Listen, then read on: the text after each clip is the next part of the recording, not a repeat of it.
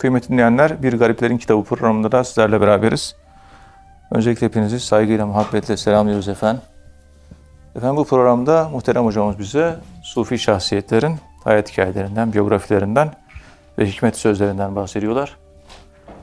Ee, muhterem hocam, Hazreti Mevlana, Mevlana Celaleddin Rumi Hazretleri vefatı Hicri 672, miladi 1273. Anadolu'da da e, Şebi Arus etkinlikleri çerçevesinde her yıl e, vefat yıl dönümü e, kutlanıyor. Ve Hazreti Mevlana'nın hayatı, eserleri ve e, düşünceler üzerinden ba- e, bayağı işte etkinlikler yapılıyor. Mevlana Hazretleri Mevlevi tarikatının kurucusu, Sufi, alim ve şair ve Anadolu'muzun en temel e, Sufi şahsiyetlerinden, mütefekkirlerinden önemli bir kişi. Dilerseniz bugün Hazreti Mevlana'yı konuşalım istiyoruz. Mevlana Celaleddin Rumi Hazretleri kimdir?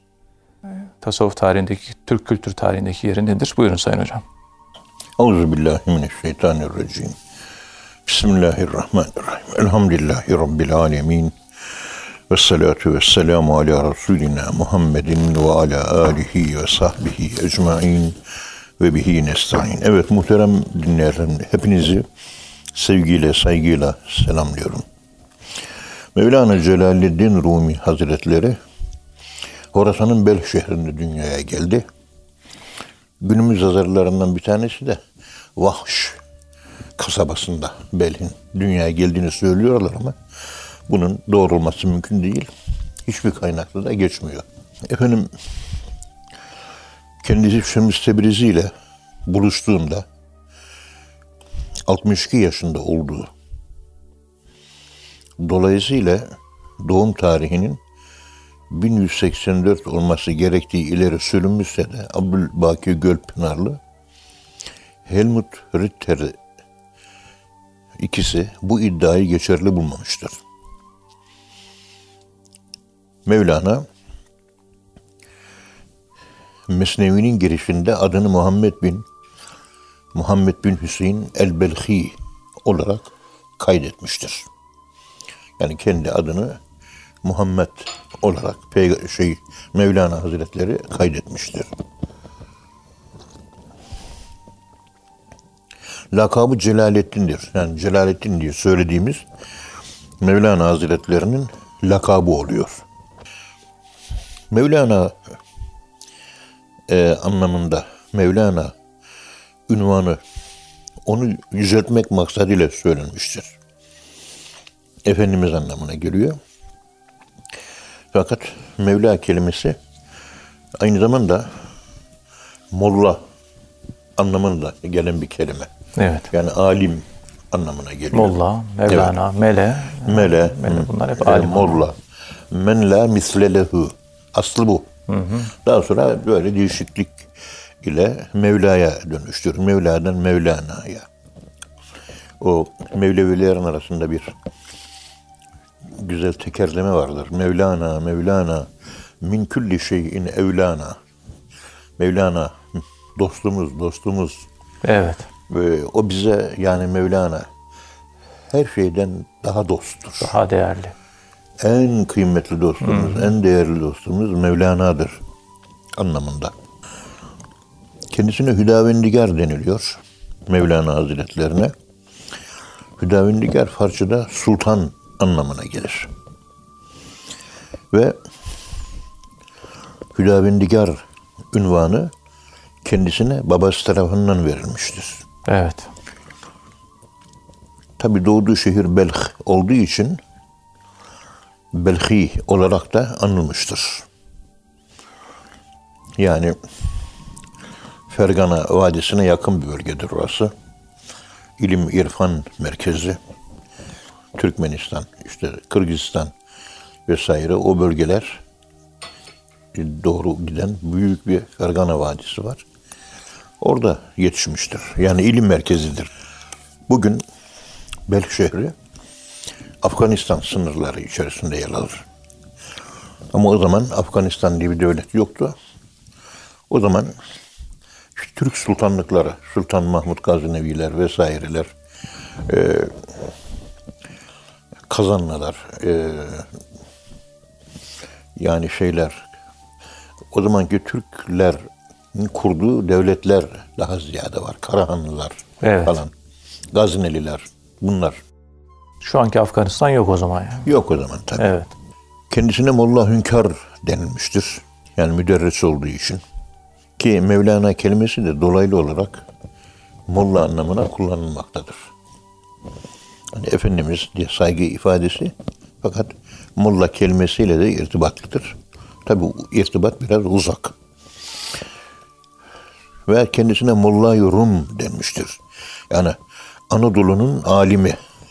Tabi müderris diye burada kullandığımız kelime bugünkü tekabüliyeti karşılığı üniversitede ders veren profesör anlamına geliyor. Hı, Evet. Mevlana'nın özelliği bu. Çünkü müderrisler eskiden İslami ilimlerin tamamında uzman olurlardı. Mesela bugün bir tefsirci hocamıza biraz hadis anlat, fıkıh anlat desek, tasavvuf ve kelam anlat desek anlatamıyorlar. Evet. Bu dönemde Batı'nın e, ilim klasifikasyonuna uyarak branşlaşma, ihtisaslaşma adı altında bir tek dalda uzmanlaşılıyor. Diğer dalda bilgisiz ve cahil kalınıyor. Evet. Onun için hadis odasına gidiyorsun, size bir bilgi veriyor. Fakat onun verdiği bilgiyi tefsir hocamız eksik buluyor. Eksik buluyorum. Hı, Kelam hocamız eksik buluyor. Fıkıh hocamız eksik buluyor. Evet. tasavvuf hocamız eksik buluyor. Dikkat edin. Eskiden bu yoktu. Eskiden alimi kül Alim vardı. küllü. Hı, Bir kere alim olabilmek için okuduklarını hayatına geçirene alim deniliyor. Okuduklarını yaşamayana alim denmiyor. Evet. Çünkü okumak ayrı bir olay. Okuduktan sonra onu yaşamak ayrı bir olay. Yaşamak daha başka bir şey. Eğer hayatınıza dönüştürebiliyorsanız mesela Kur'an-ı Kerim'de namaz kıl diye ayeti okudunuz. Evet. mesela. Namaz kılmıyorsanız siz namazı bilmiyorsunuz olarak kabul ediliyor. Halbuki bütün ayetleri biliyorsun sen. Din alimi. Bir zamanlar bundan 30 sene önce bir Diyanet İşleri Başkanımız vardı. Ta eskilerden. Namaz kılmıyordu adam. Evet. Yani bir tek cumalarda mecburen gözüküyor. E, Şimdi ben onun neresine alim diyeyim. Evet. Zaten bir ilahiyatçı kökeni falan da bir akademisyen falan da değildi. E, Adam namaz kılmıyordu yani şimdi. Namazda işi yok yani. Şu ona alim denmez. Denmez. Yani e, okuduğu ilimleri hayatına geçirmesi gerekiyor. İlmiyle amil olması gerek. İlmiyle amil olması. Evet. Hatta buna dair Gülistan'da Şeyh Sadi Şirazi der ki alimi bi amel bezenbur manet bi asel. Yani meşale nedaret diyor başka. Alimi bi amel nedaret e, meşale nedaret. Yani ilmi olup da yaşamayan bir alim elinde meşale tutan köre benzer diyor. Evet. Başkasını aydınlatıyor, kendisi aydınlanmıyor. Kendine Bu da. Gülistan'dan hatırıma gelen sözler oluyor. Meşale nedaret. Elinde meşale yok. Meşalesiz. Yani yani alimi bir amel kürist, kördür. Meşale nedaret. Yani e, meşale e, yani etrafına aydınla elinde meşale var ama daret nedaret değil de daret olacak. Elinde meşale olduğu halde başkasını aydınlattığı halde kendisini aydınlatmayan kör gibidir. Evet. Meşale daret kürist. Bedaret olanlar. Evet. Biraz da ibarenin kafasına gözüne vura vura sonunda doğruya yakın bir şeyler çıkardık. Unutmuşum çünkü bunları okuyalı 1970 senesinden önce Evet. 1966, 67, 68, 69'lu yıllar ta o zamanki Sadi. Şirazi, Hmm, Bostan ve Gülistan. Okumaları yapıyorduk. 4 sene müddetle. Aradan şu anda 53 sene geçmiş. Evet. Bunları okuyalı. Böyle kafamda silik kalıyor. Böyle eksik, yanlış ibareleri söylemeye çalışıyoruz. Estağfurullah. Yani Mevlana Hazretleri onu söylemek istiyorum. Şey e, alim bir insan, medrese müderrisi, bugünkü manada profesör.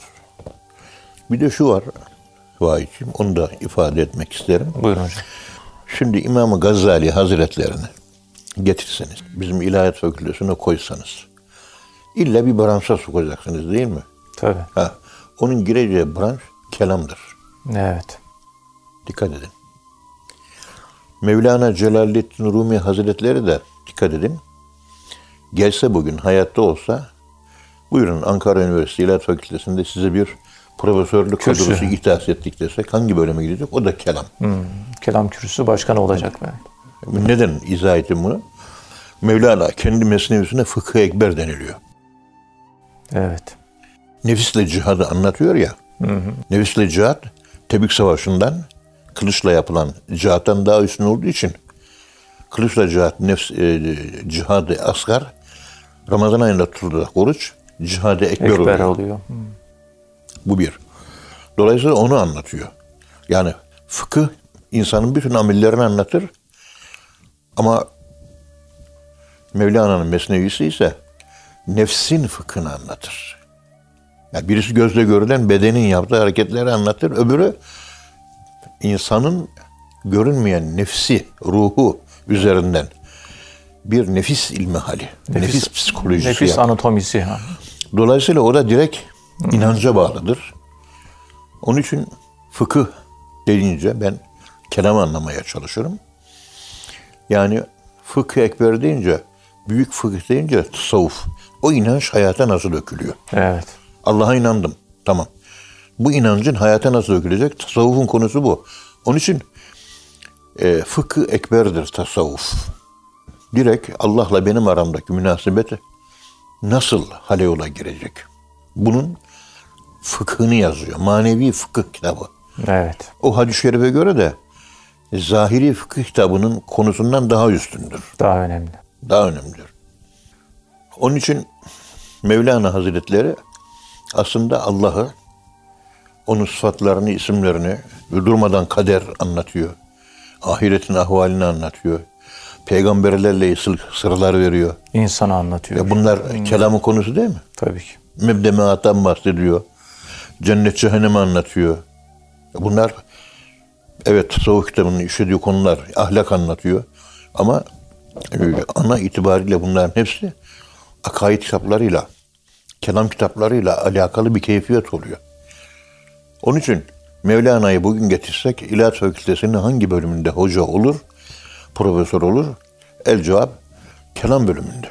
Yani o zaman kelamcıların da Mevlana'yı çalışması lazım. Hatta şunu da söyleyeyim ben biraz. Din felsefecisi olur. Evet.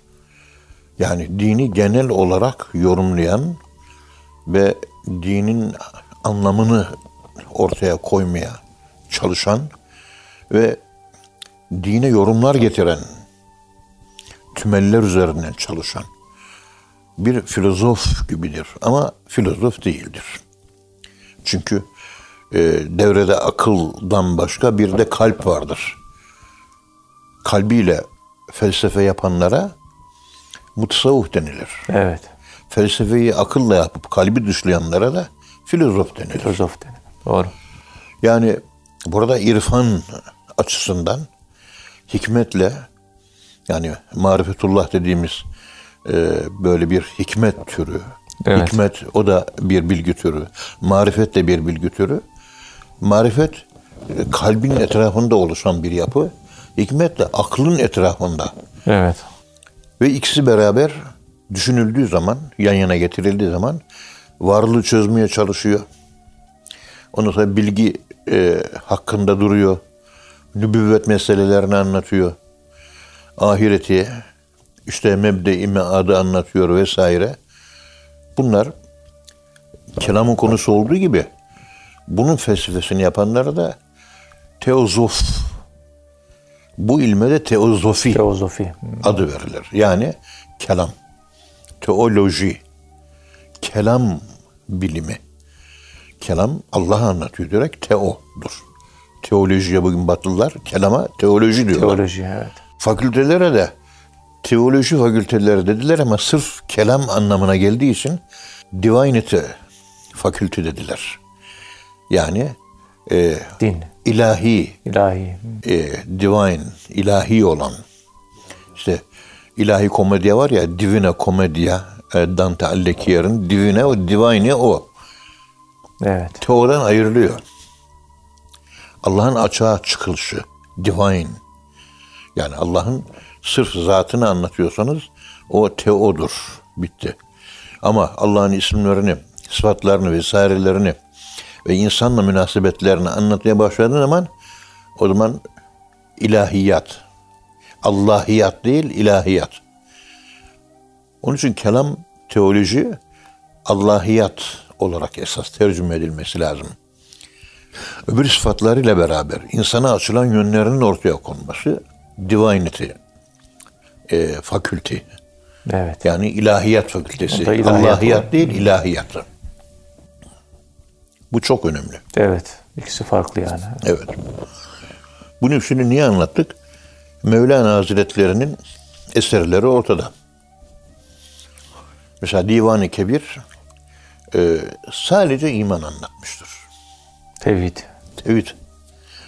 Mesnevi de Mevlid anlatmıştır. Tevhid anlatmıştır. O da kulluk anlamı. Onun için Mevlana'nın yazmış olduğu Divan-ı Kebir'i anlamak çok zor. Yani derin din felsefesidir o. Derin.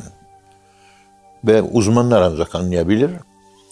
Ve sembollerle, mecazlarla, bunlarla anlatmıştır. Evet. Takım kinayelerle, istiharelerle, teşbihlerle, e, bunlarla özel bir ıstılahla anlatmıştır. Ama Mesnevi herkese açıktır. Dolayısıyla Mesnevi'yi anlayabilen Divan-ı Kebir'i anlar. Evet.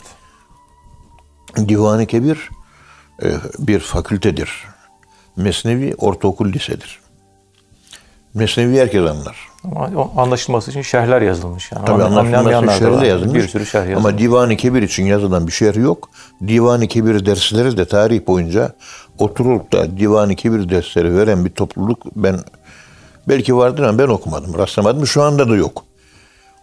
Bazen fakültede işte arada bir çeşni olsun diye Divan-ı Kebir'den seçmeler yaparız. Selected yaparız.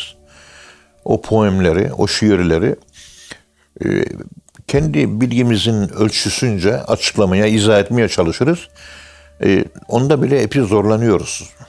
Mesela mavi renkli çiçekleri anlatıyor. Onun yorumu ayrıdır. Kırmızı renkli çiçekleri anlatıyor. Onun da yorumu ayrıdır. Evet. Bir bütün halinde olan çiçekler yorumu ayrıdır.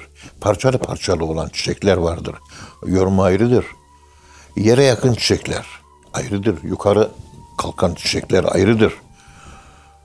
Mesela bir ay çekirdeğinin o çiçeği şemsiamer diyorlar. Ay çekirdeği diyorlar. Güne bakan diyorlar. Onun bir yorumu farklıdır. Evet. Yere yakın e, böyle e, küçük çiçekler oluyor. Yere yakın çiçekler oluyor. Onların da yorumu ayrıdır. Bir sarmaşığın çiçeği ayrıdır. Ayrı yorum verilir. Evet. Ve beyaz çiçek ayrı, sarı çiçek ayrı, kırmızı çiçek ayrı, hatta siyah çiçekler var, siyah lale var, mor lale var biliyorsunuz. Onun için Yunus Emre'nin sordu mu sarı çiçeğe diyor. Niye kırmızı Sarı çiçeğe çiçekten bahsediyor. Niye kırmızı çiçeğe sormuyor? Evet. Niye mavi çiçeğe sormu- sormuyor? Mesela bir örnek veriyorum. Mevlana'nın o Divan-ı Kebir'i hep bu gibi mazmun, mazmunlarla dolu. Evet. Bu gibi metaforlarla, bu gibi kinayelerle, bu gibi efendim teşbihlerle, bu gibi istiarelerle anlam zenginliği çok geniş, anlaşılması ve anlatması son derece güç. Yani elle tutulur, somut hale getirmekte zorlanıyorsunuz. Ama Mesnevi elle tutulup e, şekillendirilebiliyor ve somut hale, müşahhas hale getirilebiliyor. Her hikayenin bir kimliği var. O kimliği ortaya çıkarabiliyorsunuz. Evet. Yani her şiirin bunu e, Divan-ı Kebir'de yani Divan-ı Şems'te yapmanız mümkün değildir.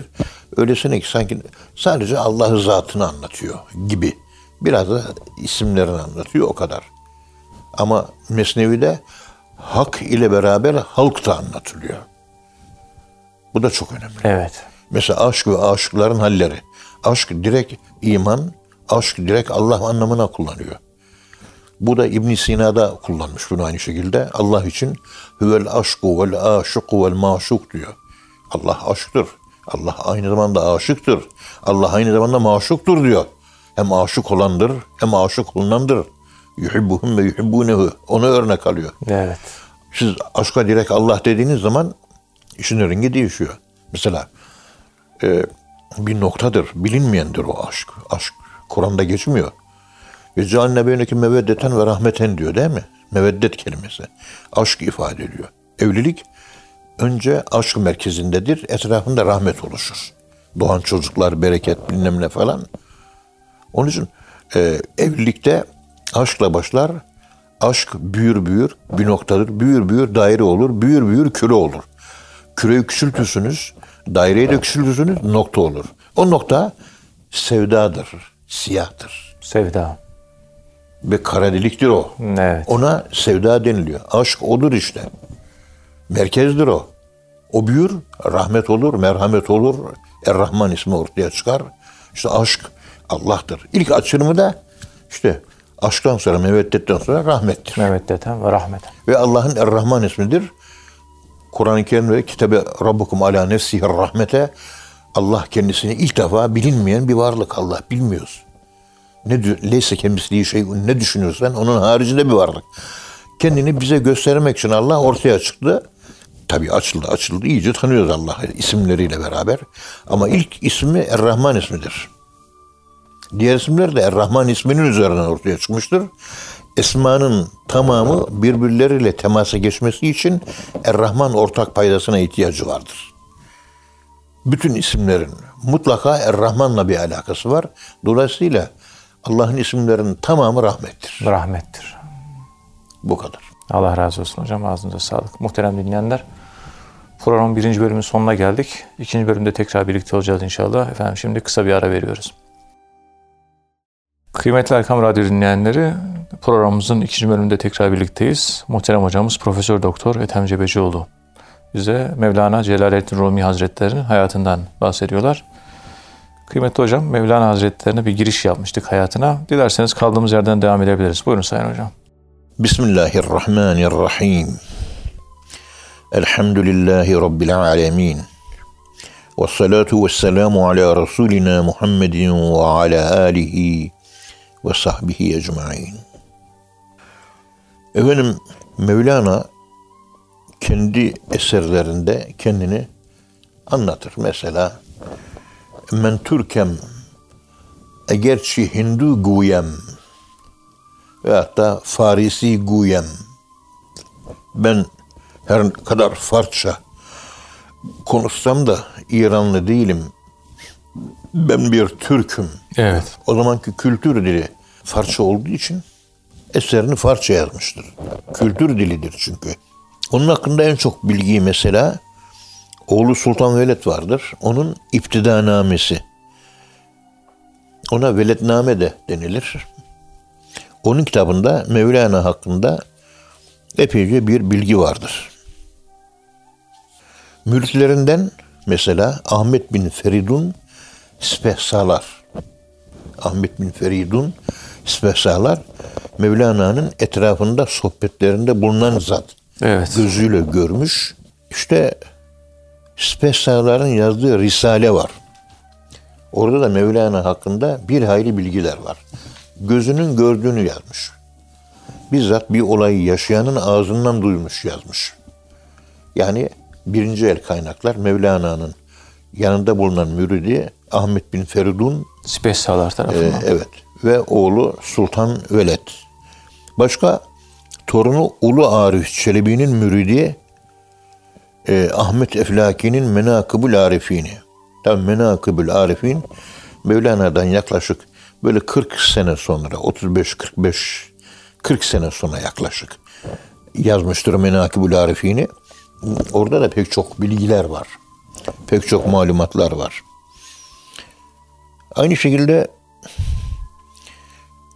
onun çağdaşı yani Mevlana'dan 40 sene sonra e, 50 sene sonra yaşamış Abdülkadir el Kureyşi El Cevahirül Mudiye adlı Hanifi ulemasına dair eserinde onunla ilgili kısa bilgi verir. Çünkü Mevlana Türk bölgesinden gelmiştir ve Hanefi mezhebine mensuptur. İptidanamedeki bilgiler yani Sultan Veled'in velednamesinde, iptidanamesinde ki verdiği bilgiler birinci elden bilgiler olmakla beraber verilen bilgiler kısadır ve özet halindedir. Evet. İşte birçok hususta en ayrıntılı bilgileri veren eser Efka, Eflaki'nin Menakıbül Arifin adlı eseridir. O çok detay vermiştir. Hatta bazen abartılara kaçmıştır. Çelişkilere e, düştüğü yerler vardır. Bir takım hatalar da tespit edilmiştir. Yani doğruları da vardır, yanlışları da vardır. Hani çok sözde yalan olur derler ya. Onun gibi e, Menakibül Arif'inde de abartılar, efendim söyleyeyim çelişkiler ve hatalar vardır. Mevlana Hazretleri'nin babası Bahaddin Veled, Hazreti Ebu Bekir'in soyundan gelmektedir. Bunu bu ifadeyi Mevlana kendi eserlerinde zikrediyor. Yani babam ve onun sülalesi Hazreti Ebu Bekir radıyallahu anh'ten gelmektedir diyor. Ve az önce bahsetmiş olduğumuz El Cevahirul Mudiye adlı eserde yani Abdülkadir el Kureyşi'nin yazmış olduğu El Cevahirul Mudiye adlı eserde Mevlana'nın babasının Hazreti Ebu Bekir'e kadar varan şecereti, aile soy kütüğü e, gösterilmiştir. Evet. Yani Hazreti Ebu Bekir radıyallahu anh 634 senesinde miladi olarak vefat etmiştir. E, Mevlana'nın babasının da vefatı işte 1240'lı yıllar. 1235, 1240. O yıllarda. E, demek ki aralarında 600 sene var. Yani 600 senelik 6 asır. bir aile soy kütüğünün tespiti de zor olmasa gerek. Eflaki ve daha sonraki müelliflerden Abdurrahman Cami ile Devlet Şah da onun Hazreti Ebubekir soyundan geldiğini teyit ederler. Ayrıca Eflaki Menakibül Arif'inde Bahattin Veled'in bir sözüne dayanarak yani Mevlana'nın babası Bahaddin Veled onun bir sözüne dayanarak soyunun anne tarafından Hazreti Ali'ye de ulaştığını söyler. Yani Mevlana'nın babası Hazreti Ebubekir radıyallahu anh, annesi Hazreti Ali radıyallahu anh. Oraya ulaşır. Bu da ilginç. Mevlana Hazretleri işte İranlılar sahip çıkıyor. Mevlana İranlı falan diyorlar. Fakat e, dikkat edin ne kadar İranlı deseler de İranlıların biliyorsunuz bir özelliği vardır. Irk taassubu vardır. Yani gerçekten İranlı olsa bir Mevlana ihtifali İran'da, Tahran'da, Şiraz'da düzenlenir. Böyle bir tören yapılmıyor. Şebe Arus sadece Türkiye'de hem de ta asırlardan beri yapılıyor. Evet. İran'da böyle bir gelenek oluşmamış. Çünkü Mevlana'nın e, Türk olmasından kaynaklanan bir şeydir bu. Kendileri de biliyor, bile bile yalan söylüyorlar. Mevlana e, mesela şiir yazdığı halde Mevlana ben şiir yazmayı sevmiyorum diyor ama yani içimden böyle bir duygu oluşuyor. Onun tesiriyle yazıyorum. Evet. Yoksa düz yazı da yazardım gibi ifadeleri var. Yani bir peygamber şair değildir ve ma yenbagi diyor ya e, şi- e, şiir söylemek bir peygamber yakışmaz. Yani şiir söylemekte biraz hafiflik var gibi. Sanki ki Kur'an-ı Kerim'de Yasin suresinde e, peygamberimiz hakkında o bir şair değildi diyor. Mevlana da şair denilmek konusunda e, pek sıcak bakmıyor kendisi. Yani şiir yazmaktan hoşlanmadığını söylüyor. Evet şiir yazıyorum ama yani böyle şiir yazmaya böyle bir isteğim, arzum, bir aşkım var.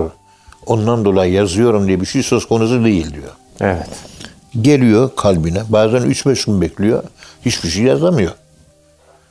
Diyor ki herhalde haram, lok, haram lokma yedik biz diyor. Haram lokma yediğimiz için e, kalbime benim bir şiir gelmiyor, bir beyit gelmiyor. İlham gelmiyor. İlham gelmiyor, yazamıyorum ben diyor. Yani anlaşılıyor ki yazdırılmış. Bunu kendisi Mevlana diyor ki beni yabancı sanmayınız diyor etrafındaki Konyalılara. Ben sizin bu mahalledenim diyor. Yani ben Türk'üm sizin gibi. Ve sizin mahallenizde ben evimi arıyorum. Her ne kadar ben düşman gibi, yabancı gibi görüyorsam da ben sizin düşmanınız değilim. Her ne kadar ben Farsça, Hintçe söylüyorsam da benim aslım Türktür diyor. Türktür diyor. Kendisi söylüyor. Bu şekilde bir ruba- rubaisi çerçevesinde Türk mensubiyetini Mevlana Hazretleri anlatmıştır. Zaten esas olarak onun gelmiş olduğu bölge e, dediğimiz gibi Fergana Vadisi'ne açılan ulemanın çok yetiştiği bir bölge oluyor. O bölgede Hazreti Mevlana'nın soyu oradaki Türk sultanlıkları, Türk aileleri ama e, oralarda hala bugün Farsça konuşuluyor. Biliyorsunuz Afganistan dili Afganice ama aslında Farsçanın Farsça, bir bozuk şekli. Tacikistan, Afganistan, Farsça. Peştunca diyorsunuz. Hep Türkçe Farsça karışımı bir dil bunlar Evet. biliyorsunuz. Ee, gerçekten şeye baktığımız zaman o bölgeye o bölge tamamen ırk olarak, etnolojik olarak Türk ırkına mensup. Evet. Bir de tabii Türkler biraz el etrak bir idrak diye anılıyor ya. Bazı tarihçiler de bunu destekliyorlar. Kafası çalışmaz. E, ne zaman nasıl buradan bir Mevlana çıkabilir? Biraz da bunun güdülemesi var. Mesela Yunus Emre bir şair ama nasıl şair çıkabilir? Türk Evet, felsefe yapmak, hikmet, İranlarda da çoktur falan Ahmet Yesevi Türk. gibi. Evet. Bu gibi konular. Halbuki bizde Türklerde sevgi çok e, kuvvetlidir. Yani Kur'an-ı Kerim'deki yuhibbuhum ve yuhibbunehu ayet-i kerimesini e, biraz da e, Türklerle alakalandırırlar. Çünkü Abbasi halifesi isyanlara karşı çıkamayınca, devlete hakimiyet kuramayınca yaptığı iş e, Türkleri davet edip işte halife Bağdat'a çağırıyor. Kendi özel koruma askerlerini Türklerden oluşturuyor. Evet. Ondan sonra Türklerin saray üzerinde etkileri başlıyor. Ve Abbas İmparatorluğu'nun dağılmasını engelliyorlar ve devlete güç veriyorlar. Evet. Yani Türklerin bu şekilde bir İslam İmparatorluğu'nun dağılmalarına engel olması, hizmet etmesi, canını vermesi. Yani Türk mesela melameti yapı tasavvufta Türk bölgesinden, Horasan bölgesinden zuhur edip gelmiştir. Hamdun Kassar. Aşk. hep Tabii. Türk yani. E, Onun için yuhibbuhum ve yuhibbunehu ayet-i kerimesinin Türklerle alakası olduğunu kabul eden epey bir sayıda müfessir vardır. Yani İslam dinini önce Araplar ayağa kaldırdı. Ondan sonra ayakta tutan İranlılar olmamıştır. Türkler olmuştur. Hizmet etmişlerdir. Mesela Moğol istilasına karşı İslam dünyasını Türkler korumuştur. Haçlı, Kudüs'e giden Haçlı ordularını durduranlar yine bizim Türkler olmuştur. Evet. Yani bunları biz biliyoruz. Ve pek çok hizmette mesela Osmanlı İmparatorluğu 622 sene ayakta kalmış. Bir İslam'a hizmet etmiş. Başka bir şey yaptığı yok. Selçuklu 400 sene hüküm aranılmış. O da aynı. Evet. Aynı bölgeden gelen Türkler. Oğuz boyları. Hem Selçuklu kuruyor hem de Osmanlı'yı kuruyor bin sene. Bin yıl evet. Aslında Selçuklu Osmanlı diye bir ayrım da yapmamak lazım gerektiğine ben inanıyorum. Birbirinin devamı. Tek E, devlet. Yani falanca boy değil de filanca boy yönetti gibi bir şey oluyor. Ama geldiği bölge aynı bölge.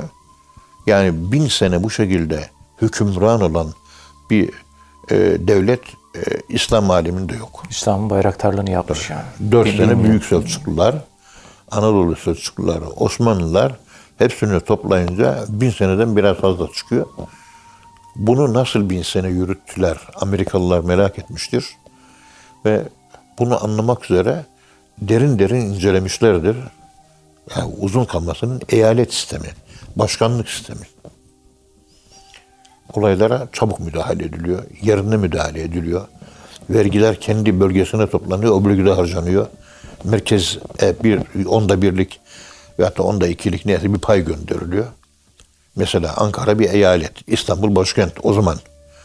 Ankara'dan toplanan vergiler burada çalışan devlet memurlarına veriliyor. Burada köprü olarak yapılıyor, okul olarak yapılıyor. Büyük istasyon olarak yapılıyor. Gar binası mesela. Ankara'dan toplanan gelirlerle buranın yolları yapılıyor. Hanları, hamamları, çeşmeleri, hastaneleri, darüşşifaları, medreseleri falan e, burada yapılıyor. Evet.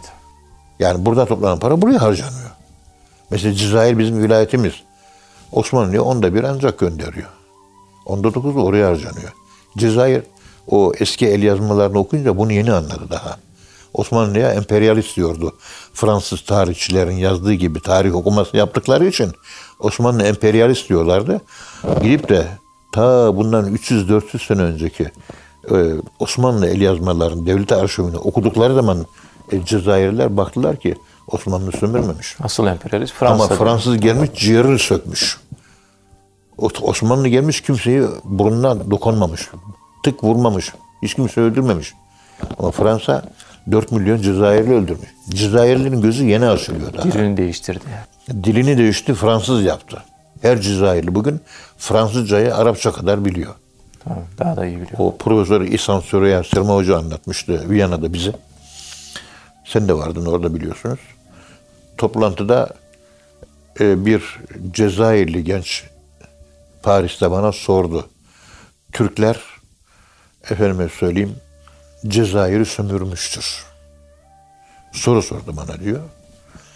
Ben de sömürmemiştir. Eğer Türkler sömürgeci olsaydı, sömürmüş olsalardı sen bana bu soruyu Fransızca değil Türkçe olarak Türkçe sorardın. sorardım. Türkçe sorardım. Bak Fransızca soruyorsun. Niye? Seni dönüştürmüş. Hiç Türkçe bilen bir Cezayirli var mısın orada? Yok. Yok. Demek ki sömürmemişiz. Değiştirebilir miydik? Değiştirirdik. Ama yapmadılar bizimkiler. Özgür bıraktı yani. Mesela Anadolu, Rumeli. Buradaki Rumlar, Ermeniler var, Hristiyanlar var. La ikrahe fid din kuralına göre Kur'an-ı Kerim'de din değiştirmede zorlama, baskılama, saytara, bus- musaytir, baskı, zorlama, ikra yok. Yok. Serbest. Ve 1912 senesinde Balkan Savaşları oluyor. Osmanlı ordusu yeniliyor. Oradan biz geri çekildiğimiz sırada 485 sene oraya egemen olmuşuz. Tabii. Fatih Sultan Mehmet Han'dan beri yüzde 60'ı Hristiyan, yüzde 40'ı Türk. Yani yönetimi 500 seneden beri bizde ve halkın yüzde 60'ı hala Hristiyan, yüzde 40'ı Müslüman. Evet. 50 sene egemen olan Fransa 50 senede dilini değiştirdi. Hatta neredeyse dinini de değiştirecekti Cezayirlilerin. Osmanlı sömürgesi olmamıştır. İsrail'de şimdi Filistin topraklarını hep alıyor. Evet. Allah Evet. razı olsun hocam. Ağzınıza sağlık. Kıymetli dinleyenler hocamıza çok teşekkür ediyoruz. Efendim bir programın daha sonuna geldik. Bir sonraki programda buluşuncaya dek hepinizi Allah'a emanet ediyoruz. Hoşçakalın efendim.